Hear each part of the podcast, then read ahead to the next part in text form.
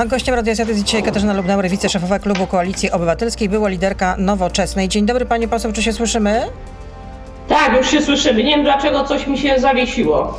No właśnie, ja pani nie widzę na razie, no ale dobrze, że panią słyszę i słyszą panią e, słuchacze i słuchaczki Radia Z i to jest najważniejsze. ciekawe, o, widać ja już- panią, widać panią. Teraz mówię to y, y, do y, tych, którzy słuchają tylko radia, a nie obserwują nas w internecie.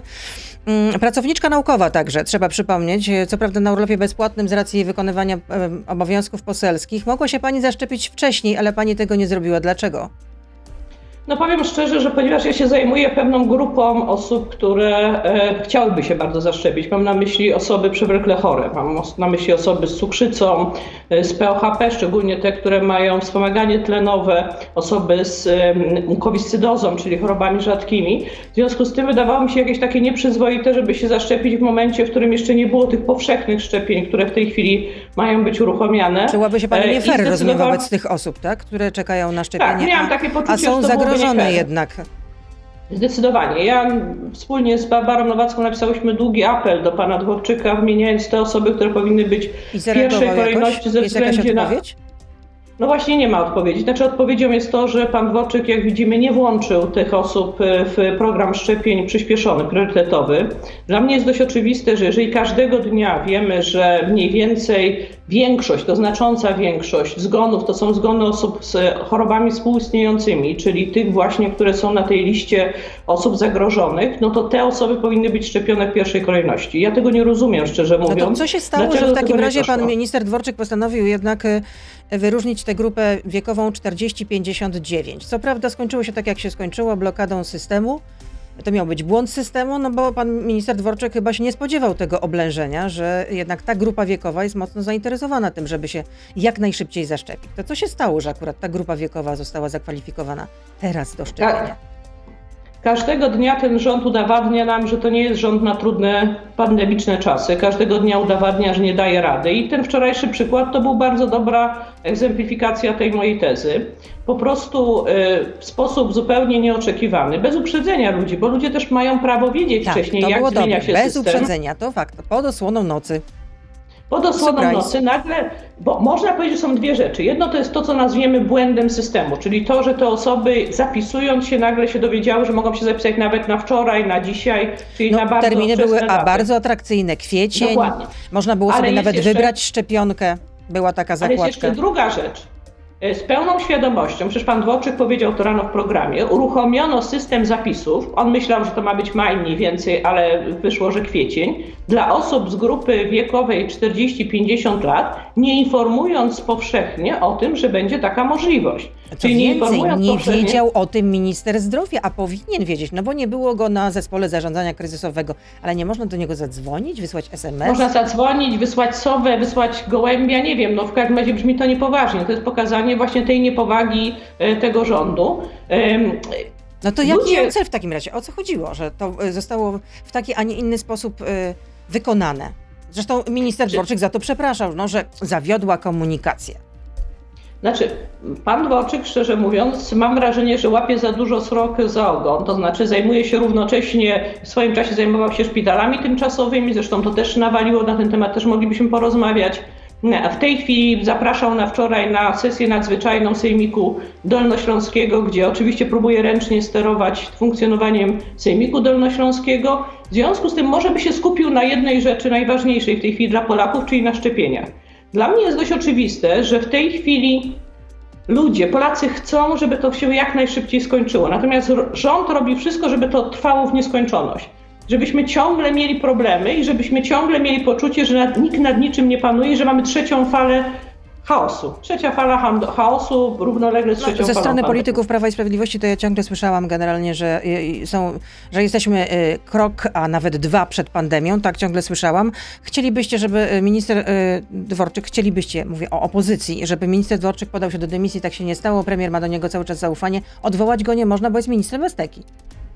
Znaczy, problem polega na tym, że rzeczywiście pan minister Dworczyk powinien mieć trochę poczucia takiej, że tak powiem, tego, że zawiódł i że powinien sam e, złożyć swoje, swój los w ręce pana premiera i oddać się do dyspozycji przynajmniej. Natomiast ja mam pewne obawy. Obawiam się, że w momencie, w którym odejdzie pan Dworczyk, to przyjdzie na to miejsce pan Sasin i będzie okaże się, że e, sytuacja będzie jeszcze bardziej chaotyczna niż mamy obecnie. No to niech Ale tak zostanie tak poważnie, Dworczyk w takim razie. No niech zostanie Dworczyk. No rozumiem, ale że... tak poważnie? Nie, Dworczyk powinien oczywiście, być, znaczy dla mnie to jest sytuacja nie do przyjęcia. Kilkadziesiąt tysięcy do stu tysięcy osób nagle się dowiedziało, że może się zapisać.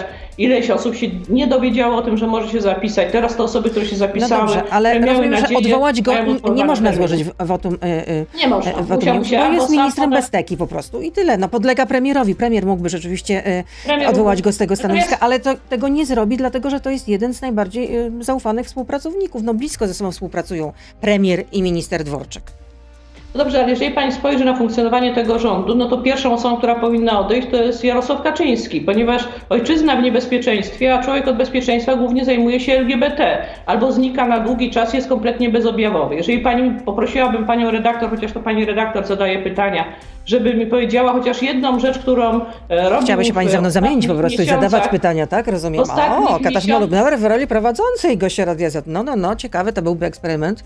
Proszę dokończyć. Natomiast pani redaktor, czy umie pani wymienić jakąkolwiek działalność pana premiera e, Jarosława Kaczyńskiego jako wicepremiera do spraw bezpieczeństwa? Ojczyzna w niebezpieczeństwie, człowiek od bezpieczeństwa zajmuje się LGBT. I taką mamy sytuację w tej chwili w Polsce. No to w takim razie pytanie, czy leci z nami pilot?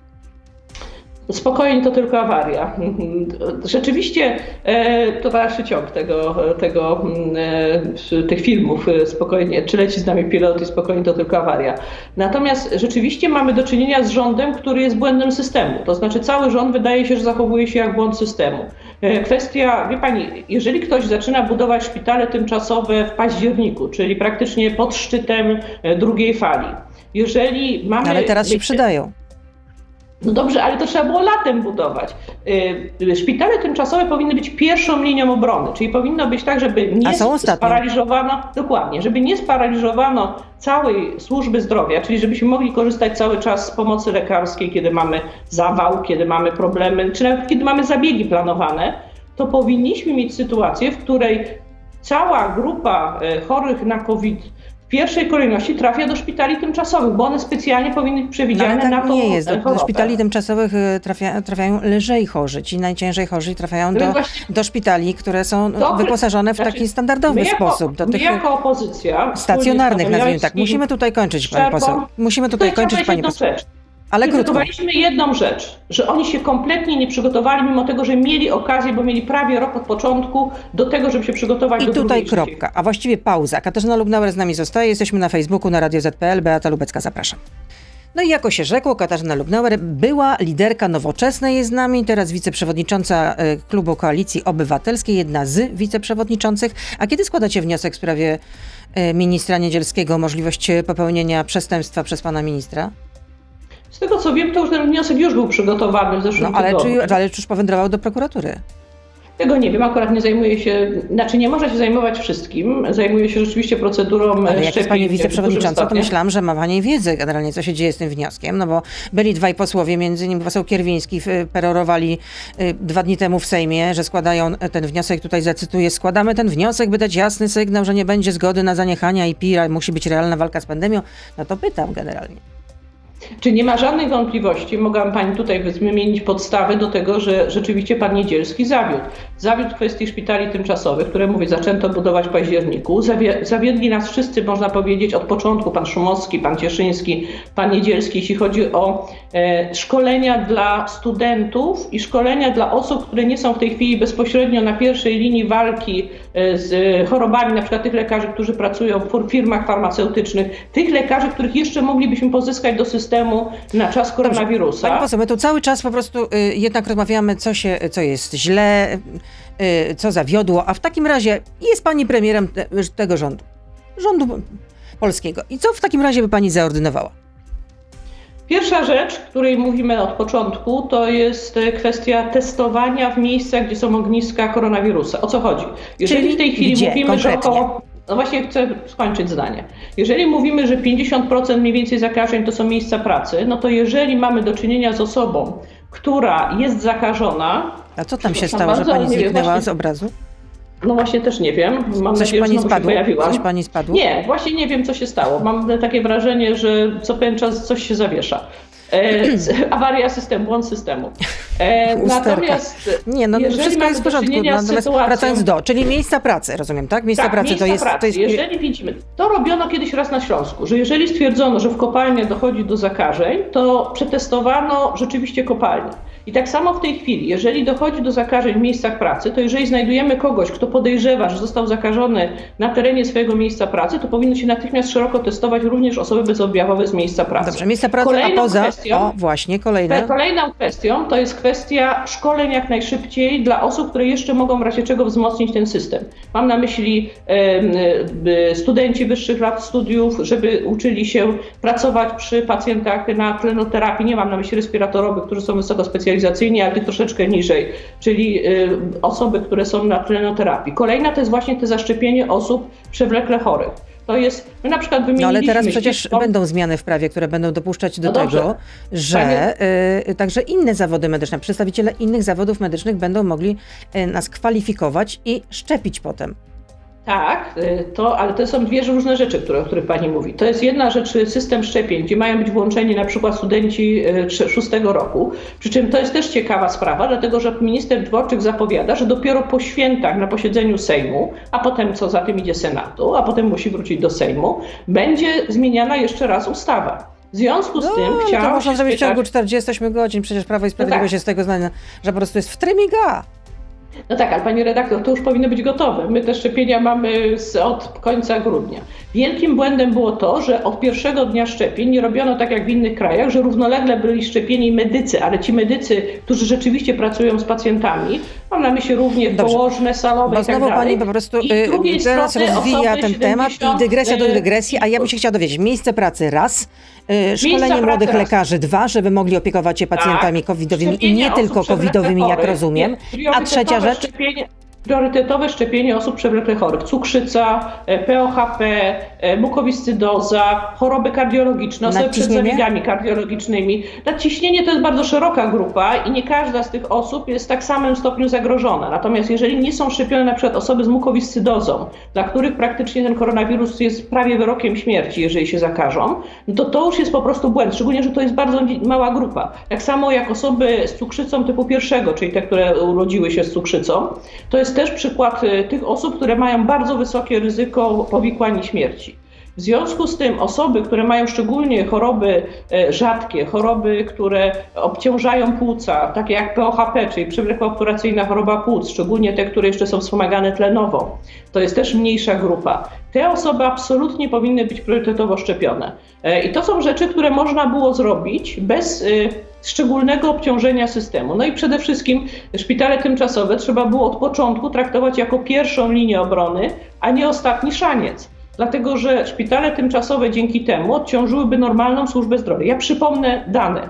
My wczoraj mieliśmy trzeci wynik na świecie, jeśli chodzi o liczbę zgonów na COVID-19, ale my jednocześnie przodujemy, mamy pierwsze miejsce w Unii Europejskiej przez 12, 11 miesięcy, bo tak zna, damy, zna, znamy dane, jeśli chodzi o ilość dodatkowych zgonów. Co to znaczy dodatkowe zgony? To są ludzie nasi, nie wiem, ojcowie, nasi babcie, ale również już coraz częściej to są osoby, które są nasi znajomi w naszym wieku, którzy umarli nie tylko z powodu koronawirusa, ale z powodu tego, że nie uzyskali w porę pomocy lekarskiej.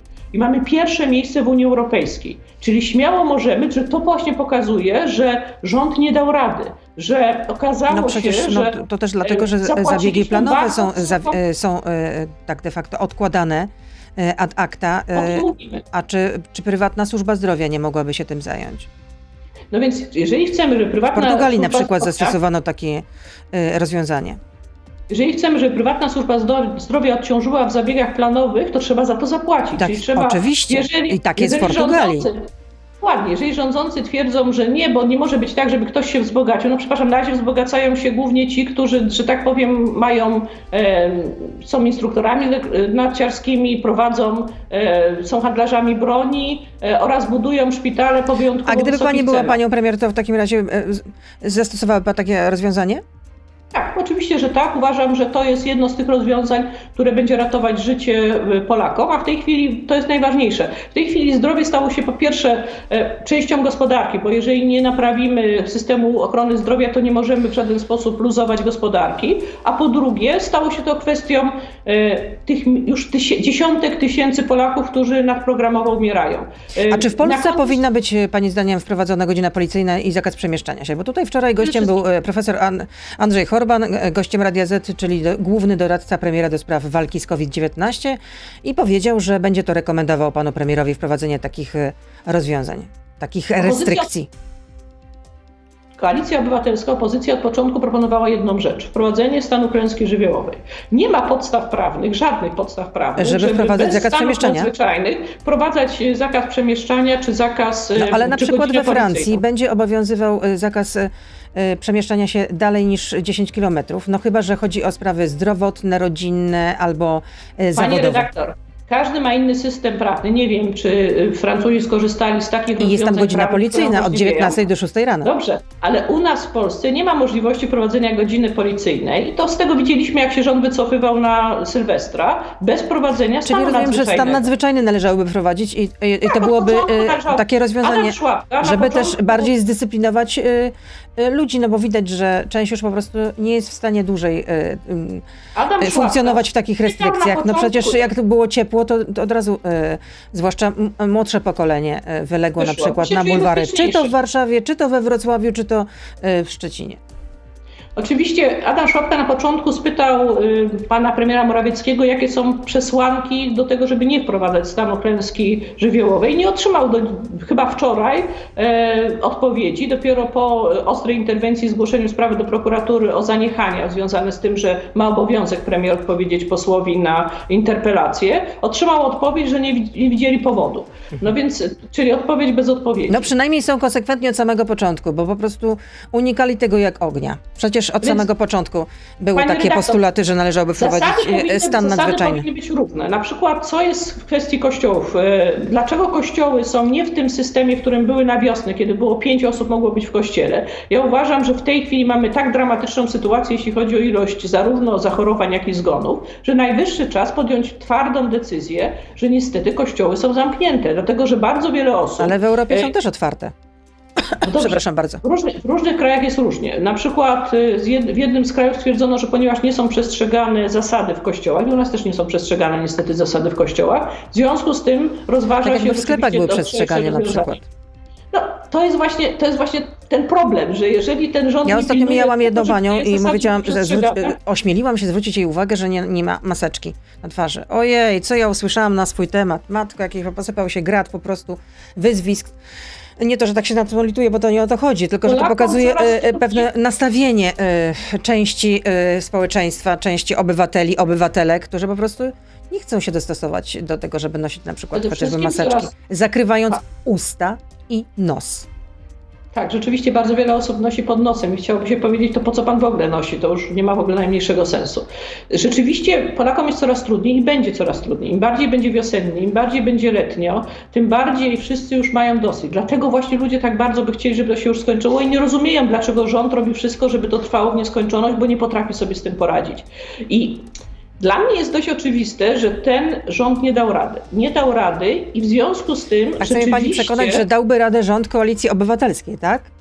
Jest wiele decyzji, które można było podjąć i które od początku postulowaliśmy. Na przykład kwestia szerszego testowania nie tylko objawowych. Rząd stworzył z tego całą politykę. Nie wiem, czy o pamięta już rozmawiałyśmy. Co by pani zrobiła, gdyby pani była e, e panią premier, że e, pani, pani redaktor, testowałaby pani tam, gdzie można podejrzewać, że są ogniska zachorowań ogniska transmisji, że po prostu ludzie przekazują Ale... sobie tego wirusa. Potraktowałabym szpitale tymczasowe jako pierwszą, a nie ostatnią. To już o tym rozmawiałyśmy. A ja bym chciała jeszcze Panią zapytać y, o wczorajsze spotkanie, które miało miejsce. Mianowicie spotkali się trzej tenorzy, tak, niektórzy Terce też mówią, czyli premier Morawiecki, premier Orban, a także e, mm, nie Matteo Salvini, czyli szef włos włoskiej ligi. No i e, po tym spotkaniu taki komunikat poszedł w świat, że e, chcemy renesansu Europy. Znaczy, dla mnie to się spotkał w takim razie tercet putinowski, dlatego że o sympatiach do Putina, Salviniego i Orbana wszyscy wiemy, co nie? Mamy do czynienia z sytuacją, Już widzę, wyłącza się system, jak nie dotknę co pewien czas. Mamy do czynienia z sytuacją, w której panowie Orban, który korzysta praktycznie z całej energetyki opartej na e, rozwiązaniach e, radzieckich, e, przepraszam, rosyjskich, jak i również pan Salvini, który nosił koszulkę z Putinem, który jest zafascynowany Putinem, no to są ludzie, którzy dość jasno pokazują, gdzie widzą miejsce jakby Europy, po której stronie wpływów. W związku z tym, jeżeli okazuje się, że to jest pomysł naszego rządu na bezpieczeństwo, to ja chciałam powiedzieć, że dużo większe bezpieczeństwo zapewniło nam budowa Gazpromu w swoim czasie przez poprzedników, czyli przez PO-PSL, dlatego że dzięki temu uniezależniliśmy się w dużym stopniu energetycznie od Rosji. Ale płaciliśmy za ten gaz jak za zboże, no. No, pani redaktor, coś za coś. Albo bezpieczeństwo, albo e, niskie koszty. Nikt nie ma Dobrze, wątpliwości, a czym, a czym to spotkanie, a czym to spotkanie e, pani zdaniem e, będzie skutkować? To ma być zaczynem czego? Niczego. Pani redaktor, jeżeli pani policzy ilość europosłów z tych trzech ugrupowań, które Ale będzie nowa frakcja na, przykład, no bo, no bo tak, przecież Fidesz węgierski nie jest w Europejskiej Partii Ludowej. E, Orban został praktycznie wypchnięty z EPL-u, to znaczy z Europejskiej Partii Ludowej, za wielokrotne łamanie prawa i za fakt, że... No to wiemy, to wiemy, ale ja pytam już do przodu generalnie, czy coś no z tego będzie? Czy to tak jest zapowiedź będzie... czegoś nowego? Nie wiem, czy to będzie jakaś nowa oś polityczna tak, w Europie? frakcja putinowska w Parlamencie Europejskim. Problem polega tylko na tym, że oni mają 10% mniej więcej składu Parlamentu Europejskiego, więc ich siła będzie żadna. Bo jeżeli policzymy te trzy ugrupowania, to naprawdę ilość europosłów, które one posiadają w Parlamencie Europejskim jest e, śladowa. E, Katarzyna Lubnauer jest z nami dzisiaj. Katarzyna Lubnauer jest... Ja jeszcze chciałam zapytać o jedną rzecz. E, czy Zieloni wyjdą z Koalicji Obywatelskiej? Coś pani słyszała? Myślę, że nie. Małgosia też bardzo jasno mówi, że uważa, że miejsce Zielonych jest w Koalicji Obywatelskiej. Ale Natomiast... w kuluarach Sejmu się mówi, że Włodzimierz Czarzasty miałby namawiać Zielonych, żeby przystąpili do, do nowej lewicy. Myślę, że więcej swoich postulatów może realizować Małgosia Traczy w ramach Koalicji Obywatelskiej. Natomiast bardzo ważne jest, żeby rzeczywiście. No, ale też czytam, że narasta pewne zmęczenie w tej, z tą sytuacją, że zieloni muszą po prostu jak gdyby odpowiadać za to, co się dzieje w Koalicji Obywatelskiej i że obrywają za wszystkie grzechy. Koalicji Obywatelskiej. Pani redaktor, mogę powiedzieć, jako nowoczesna staramy się wystarczająco przepychać i wystarczająco prezentować swoje poglądy. Wczoraj była konferencja prasowa. A ja mam wrażenie, że już na nowoczesnej to nikt nie, nie, nie, nie pamięta. Nie czujecie się przystawką? Nie, nie uczujemy się. Mamy swoje. Pani, pani redaktor, ostatnio udało się nam przez, ze zgodą klubu złożyć ustawę dotyczącą wykreślenia artykułu kodeksu karnego dotyczącego e, ochrony uczuć religijnych, jak to się nazywa, tak naprawdę tego, co jest cenzurą dla kultury, dla bardzo często dla bardzo wielu Polaków, których się wykorzystuje to trochę jako bat na osoby niepokorne, jak i również 212, który często jest rzeczywiście uderzeniem w dziennikarzy. To Jeśli pani mówi, że nie czujecie się przystawką, że czujecie się samoistnym bytem, to w takim razie to ile osób jeszcze jest w nowoczesnej? Ilu jest członków? Wie Pani co, Panie redaktor, nie robiliśmy w tej chwili analizy ze względu na to, że planowaliśmy kongres, tylko że planowaliśmy ten kongres mniej więcej po wyborach prezydenckich, które miały być w maju. I kongres miał być w czerwcu 2020 roku. Potem najpierw się przesunęły trochę wybory no. No tak, wiadomo, kalendarz się po prostu zmienił. A w takim razie kiedy będzie kongres? Po pandemii. No, po pandemii po prostu. No, Panie redaktor, my jako Czyli w przyszłym roku. Sytuacji, Czyli w przyszłym roku. Tak, my jesteśmy w dobrej sytuacji, ponieważ mieliśmy wybory przewodniczącego tuż przed y, pandemią, można powiedzieć, bo w listopadzie 2019 roku. W związku z tym jesteśmy o tyle w wygodnej sytuacji, że wszystkie te statutowe y, y, terminy nas nie gonią. Natomiast chcieliśmy mimo wszystko zrobić duży kongres programowy właśnie w czerwcu 2020 roku. Okazało się, że pandemia, tak jak bardzo wielu Dobrze, Ale to już było. To już było. Myślę, że trzeba patrzeć do przodu, więc pada pytanie e, rytualne i dyżurne. To co z tymi długami nowoczesnej? To jest pytanie od słuchacza. Wyjaśnijmy pewną rzecz. My staramy się na bieżąco... Czy kredyt jest spłacony? Pyta Krzysztof. E, nie zaciągaliśmy u pana Krzysztofa tego kredytu, natomiast jeżeli w pan Krzysztof jest podatnikiem, jeżeli pan Krzysztof jest podatnikiem, to chciałam go uspokoić, zaoszczędził na nowoczesnej 20 parę milionów z budżetu państwa, ponieważ nie otrzymaliśmy subwencji, która, którą dostalibyśmy, gdyby nie ten błąd, który spowodował nasze problemy. W związku z tym pan Krzysztof niech żyje spokojnie, natomiast jeżeli wie, że ile jeszcze dopłacił, a, a ile zostało do spłaty? Pani redaktor, moim przywilejem, byciem, niebyciem przewodniczącą jest to, że nie muszę codziennie patrzeć na konto. A, czy, a co się dzieje z tym pomysłem Koalicji 276? Taki to miał być to jest... wspaniały pomysł. No, Borys Budka był zachwycony. Redaktor, on jest w dalszym ciągu istniejący. To jest pomysł, który już w tej chwili widzimy jego realizację w Rzeszowie.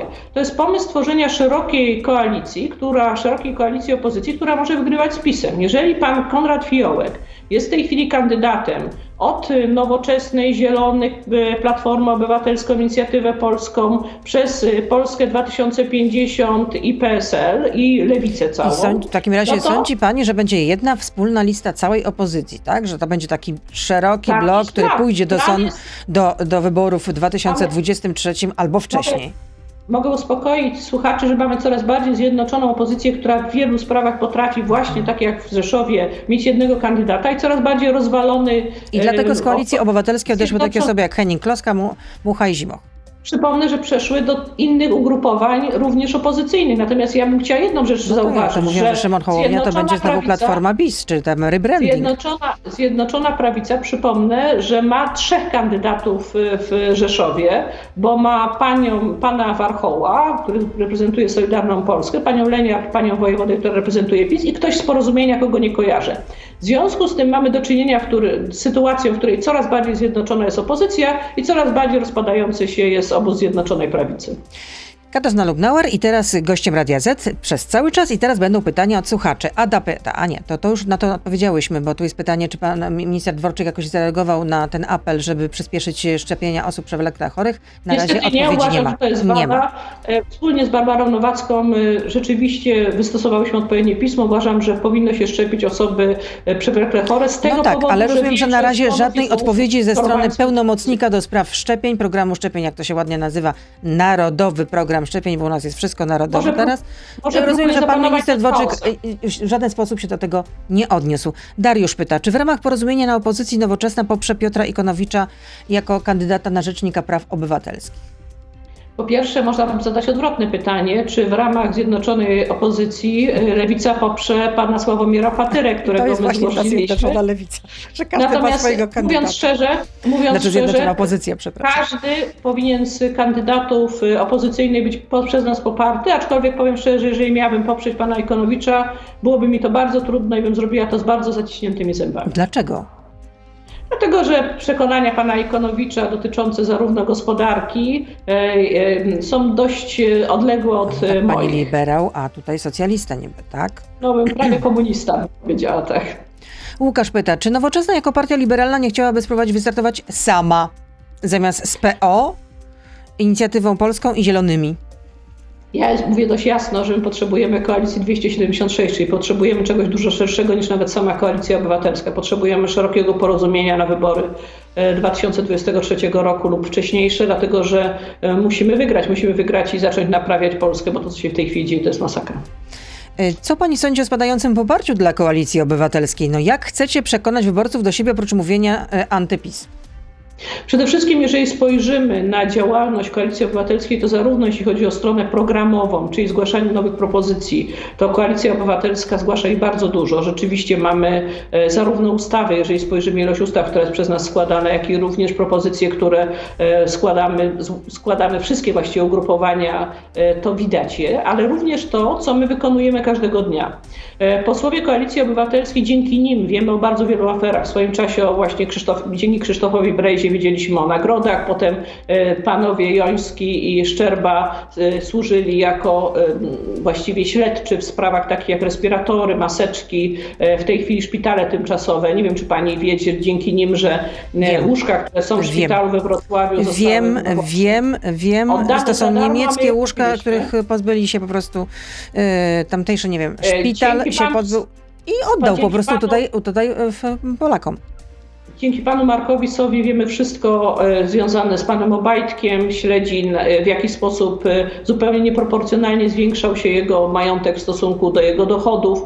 I to są działania, które podejmuje Koalicja Obywatelska każdego dnia. Każdego dnia nasi posłowie rzeczywiście tworzą interwencje poselskie, każdego dnia piszą setki interpelacji, każdego dnia aktywnie działają, żeby składać nowe propozycje programowe. I, to, madam, i, to, to i takie jest, działanie Pani zdaniem przyniesie dłuższą metę tak, bo... Pożądane skutki i że Koalicja metą... Obywatelska wygra wybory. Ja Kolejny... jeszcze wierzę jedną rzecz. Ja jeszcze chciałam powiedzieć jeszcze jedną rzecz. Ja wierzę we wspólną Polskę i wierzę w Rafała Trzaskowskiego. Uważam, że to jest człowiek, który pokazał, że ma niesamowity potencjał w wyborach prezydenckich, kiedy rzeczywiście do wygrania... No, miał być ruch Trzaskowskiego, no i okazało się, że to było takie hasło rzucone na a teraz trzeba się z tego tak, tłumaczyć. Nie, nie, ma pani redaktor racji, ruch e, Trzaskowskiego się buduje, wspólna Polska nie, się to, buduje. Przepraszam bardzo, to nie czytała e, pani wywiadu, głośnego wywiadu z Borysem Budką? No, akurat nie zgadzam się z, tam, z tezami zawartymi, uważam, no, ale że... Ale to jest przewodniczący Platformy Obywatelskiej, no to powiedział prawdę. No hasło od okno i trzeba się z tego tłumaczyć. Polska będzie dużym y, podmiotem na tej opozycyjnej stronie, który ma szansę gromadzić wokoło siebie inne podmioty. Kolejne pytanie w takim razie. E, mm, czy w czym według Pani tkwi sukces Prawa i Sprawiedliwości? Dlaczego właśnie ta partia wygrywa konsekwentnie kolejne wybory? Prawo i Sprawiedliwość ma jedną umiejętność. Bardzo skutecznie podsyca różne lęki. To znaczy, nawet powiem więcej, że Prawo i Sprawiedliwość potrafi wytworzyć lęki, które potem podsyca. A to są uchodźcy, a to w tej chwili jest LGBT. To, co powiedziałam, premier do spraw bezpieczeństwa zupełnie jest bezobjawowy, jeśli chodzi o kwestie bezpieczeństwa związanego ze zdrowiem Polaków, e, bezpieczeństwa związanego z funkcjonowaniem CBA i tak dalej. Natomiast jest zupełnie e, objawowy, jeśli chodzi o szczucie na środowisko LGBT, na kwestie związane, nie wiem, z gender i e, te tego typu potwory, które e, PiS najpierw buduje, a potem udaje, że je zwalcza. E, to przecież widzieliśmy bardzo dobrze przy tym, jak zanim zmieniła się narracja, jak budowano zagrożenia związane z powiązaniem praworządności z finansami przy Funduszu Odbudowy co robiły media publiczne, w jaki sposób podsycały, co to oznacza dla Polski, e, jak będą nam narzucać wolę. Potem się nagle zmienił front. Okazało się, że Mateusz Morawiecki zgodził się na to wszystko i co więcej, zgodził się na fundusz odbudowy. I nagle się okazało, że te lęki, które poprzednio były lękami, są w ogóle już nieaktualnie i nie istnieją. Czyli Prawo i, i Sprawiedliwość jest partią straszaków i, i, dzięki temu, pani zdaniem, wygrywa wybory. Sebastian pyta. To zadam jeszcze jedną rzecz.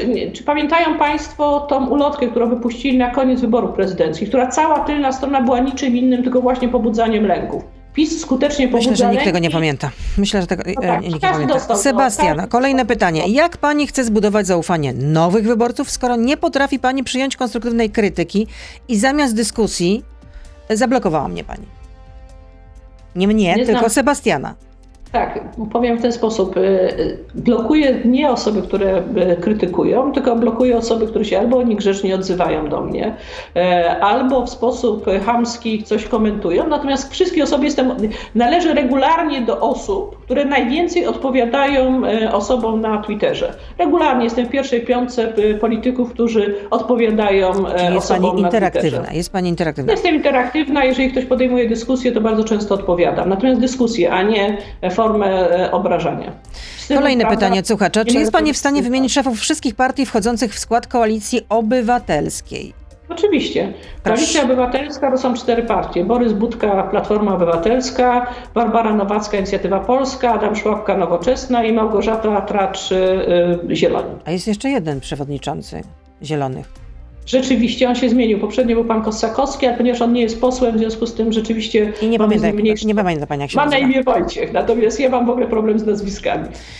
Y, kolejne pytanie. Co pani sądzi o aborcji w szóstym miesiącu ciąży? Czy je, y, jeśli jest pani przeciw, to jaka powinna być kara? I co sądzi o tym Katarzyna Lubnauer, a nie nowoczesna?